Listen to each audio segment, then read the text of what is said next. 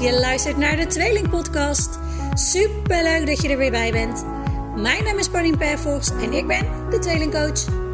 Ik neem jullie tijdens deze podcast mee op mijn avonturen als coach voor tweelingouders bij het positief en ontspannen opvoeden van hun tweeling.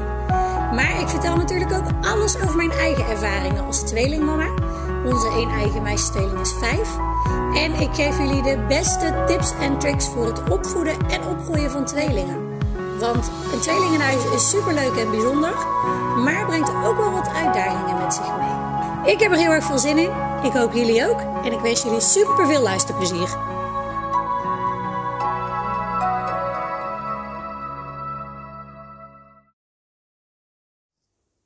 Hey, hallo, hallo. En welkom bij alweer een nieuwe podcast, de derde.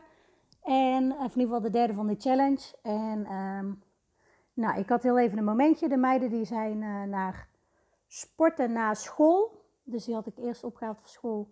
Toen hebben we thuis gegeten. En uh, daarna heb ik ze weer uh, teruggebracht. En nu had ik even een momentje. Ik denk, nou, dat is de perfecte gelegenheid om nog even een podcast op te nemen. Um, allereerst super bedankt voor al jullie reacties op de podcast van gisteren. Wauw, ik ben echt uh, nou, een soort van positief verrast, verbaasd dat er zoveel tweelingmoeders zich herkennen in, uh, in, mijn, in mijn verhaal en in mijn ervaringen. bij de opmerking ook, nou dan ben je mooi in één keer klaar. Um, en mocht je me nog niet geluisterd hebben, luister hem zeker nog even. Het is de moeite waard, kan ik je zeggen. En nou, gezien de reacties die ik erop heb gekregen, um, denk ik dat ik uh, inderdaad mag zeggen dat het de moeite waard is om die nog eventjes terug te luisteren. Um, dat gezegd hebbende, vandaag uh, heb ik bedacht om een iets luchtiger onderwerp voor de podcast uh, te doen. Um, ik had vanochtend heel leuk een, een tweeling spar sessie met een tweeling mama. En haar tweeling zat in de, of, niet zat, zit in de peuterpuberteit. En dat vond ze best wel pittig, zeker ook omdat ze um, nou ja, haar best wel claimde. Alle twee. En nu ze groter, ja, nu ze groter worden, werd het gewoon wat moeilijker om uh, ze tegelijk de aandacht te geven die ze willen. En om ze bijvoorbeeld alle twee op schoot te nemen. Dat willen ze dan vaak weer niet van elkaar. En um, nou, dat gaf me de inspiratie om um, deze podcast toe te wijden aan uh, een hele fijne tip en methode eigenlijk, uh, die ik heel vaak adviseer aan tweelingouders met peuters. En dat is de dag van. Ik deelde hem ook al op Instagram als tweelingtip. En um, nou, hier in de podcast ga ik hem dus vandaag wat uitgebreider behandelen. En de dag van, nou misschien ken je het al wel, en misschien gebruik je het al en ben je fan. Um, en misschien ken je het nog niet, luister dan zeker verder. Um, maar de dag van houdt eigenlijk in dat je elke dag is van één van de kinderen. Dus als je alleen de tweeling hebt, om het even, even zo makkelijk te houden, dan. Um, allereerst, sorry trouwens voor mijn, uh, voor mijn stem. Uh, ik ben uh, wat verkouden en het is op mijn keel geslagen. En nou, ik heb altijd wel een beetje een, een hees filtertje eroverheen zitten. Maar nu lijkt het alsof drie pakjes sigaretten in één keer naar binnen heb heb uh, gewerkt. Um, maar ja, de, uh, never mind. Weten jullie in ieder geval waardoor het, uh, waardoor het komt. Um, de dag van, dat houdt er eigenlijk in dat dus elk kind een dag heeft waarop hij of zij als eerste alles mag kiezen. Um, dus heb je twee kinderen, dan gaat het dus om en om. Dus dan de ene dag is voor het ene kind en de andere dag is voor het andere kind. En heb je meerdere kinderen, um, dan uh, betrek je die daar natuurlijk ook in. En dan, dan wissel je het dus niet om de dag, maar dan, ja, dan doe je het anders. Dan is het 1, 2, 3, 1, 2, 3, 1, 2, 3. Um, het idee is dus dat op de dag van uh, een kind mag hij of zij alles als eerste bepalen. Uh, dus hij mag als eerste bepalen waar dat hij aan tafel gaat zitten. Hij mag als eerste bepalen waar dat hij in de auto gaat zitten. Uh, of misschien de bakfiets. Uh, hij mag als eerste een bordje kiezen. Um, als eerste een snoepje uit de trommel halen. nou ja, zo gek je het kan bedenken, als eerste van de trap naar beneden. Ik hoor dat regelmatig dat tweelingen zelfs daar ruzie om maken. Wie als eerste naar beneden of naar boven mag. En dan is de dag van echt een hele, hele fijne. En ik zal even wat, wat achtergrondinformatie geven waarom het dan zo'n goede methode is. In de peuterfase gaan kinderen eigenlijk nou, voor het eerst ontdekken dat ze een eigen mening hebben, een eigen willetje hebben en eh, dat ze regie hebben over hun eigen lijf. En ehm, wat ze in hun hoofd hebben zitten, wat ze hebben bedacht, dat moet er ook gebeuren. En gebeurt dat niet, dan ontstaat er een soort van kortsluiting. Ehm, en die kortsluiting resulteert dan weer in strijd voeren, drama maken, uh, weet je, op de grond gaan liggen en niet meer overeind willen komen. Uh, drama maken in de supermarkt omdat ze een bepaald snoepje bijvoorbeeld niet krijgen. Allerlei dingen die ze in hun hoofd hebben, wat ze heel graag willen, van dat ene bordje eten. En als dat dus niet gebeurt, ja, dan, dan, dan reageren ze daar heel slecht op. Um, maar heb je twee peuters in huis, en die twee peuters willen ook nog eens hetzelfde, of juist iets anders op hetzelfde moment. Bijvoorbeeld uh, um, een ander filmpje op de tv kijken, maar wel op hetzelfde moment. Nou, dat is ook gegarandeerd uh, drama. Um, maar hebben zij bijvoorbeeld alle twee bedacht dat ze van het rode bordje gaan eten vandaag, en er is maar één rood bordje, nou, dan kan je natuurlijk uh, de klok erop gelijk zetten dat daar strijd door ontstaat. Want ze willen alle twee dat rode bordje. En die is er maar één. En dus heb je er één waarvan het in, um, in de realiteit anders loopt dan dat, hij, dan dat hij of zij van tevoren had bedacht. En dus heb je als tweelingouder eigenlijk, nou ja, zonder dus de dag van, als je dat niet gebruikt, eigenlijk heb je dus gegarandeerd drama. Als je niet alles dubbel in huis hebt. Ehm, wat overigens ook helemaal niet nodig is.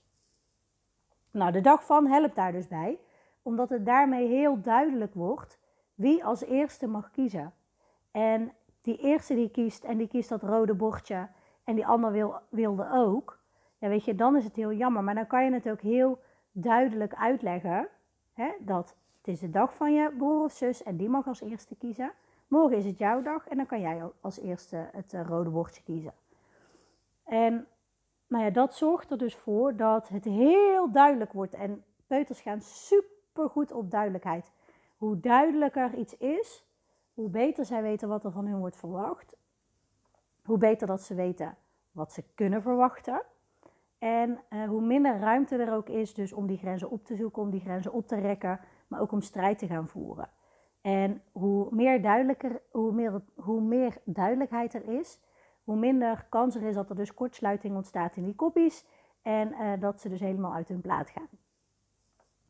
En nou ja, die, die duidelijkheid die creëer je dus met de dag van. En je maakt dat nog duidelijker door dat ook visueel te maken. Uh, dus zorg dat je van allebei de kinderen bijvoorbeeld een uh, foto uitprint of afdrukt. En um, degene van wie de dag is, die foto, zet je ergens neer of hang je op de koelkast of hang je nou ja, ergens op een zichtbare plek. En de dag daarna dan wissel je dat dan dus weer om. En zo maak je het heel visueel en daarmee heel duidelijk. En weten de kinderen dus ook weer precies hoe het ervoor staat. Uh, uh, wie als eerste de keuze heeft die dag. En um, nou zul je echt, echt gaan merken dat daardoor dus minder kortsluiting ontstaat en minder strijd gevoerd gaat worden. Sorry, ik ga even een slokje water nemen. Ik, uh, dat is het nadeel van die, uh, van die uh, stem, of van die, van die ja, keelpijn die ik heb.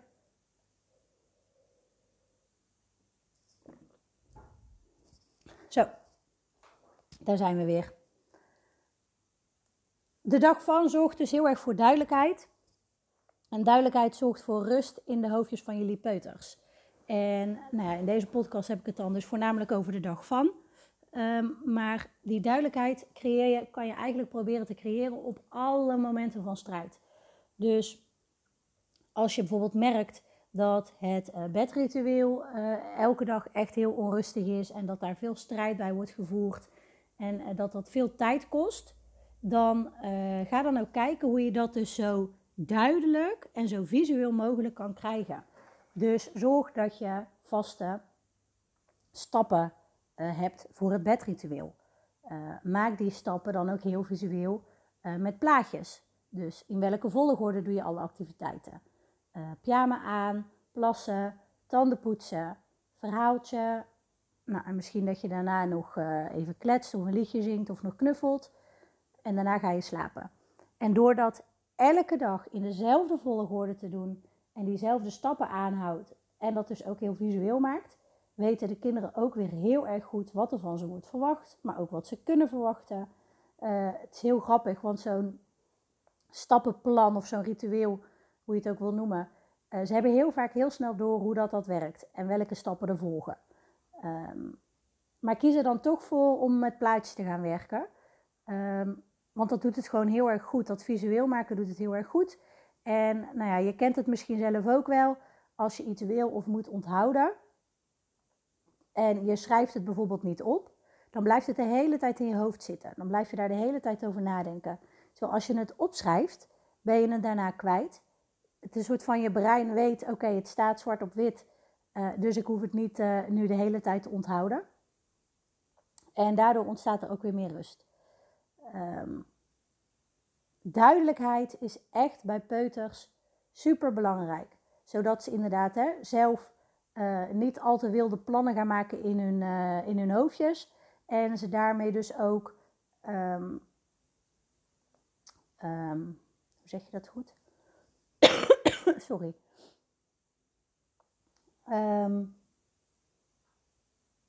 En toen was ik mijn vrouw kwijt. Ik zei, uh, duidelijkheid zorgt ervoor dat de kinderen beter weten wat er gaat gebeuren. Waardoor ze dus zelf uh, iets minder grote wilde plannen gaan bedenken in hun hoofd. Uh, die wel of niet uitkomen. En als ze niet uitkomen, ontstaat er dus die kortsluiting. En nou ja, kan ik je garanderen dat er strijd komt. Dus hoe duidelijker iets is, hoe beter zij weten wat er wordt verwacht, wat ze kunnen verwachten en hoe minder kans er is op kortsluiting. Dus kijk ook eens gerust naar de momenten dat je dus denkt: oké, nu, hè, dit is een drama moment.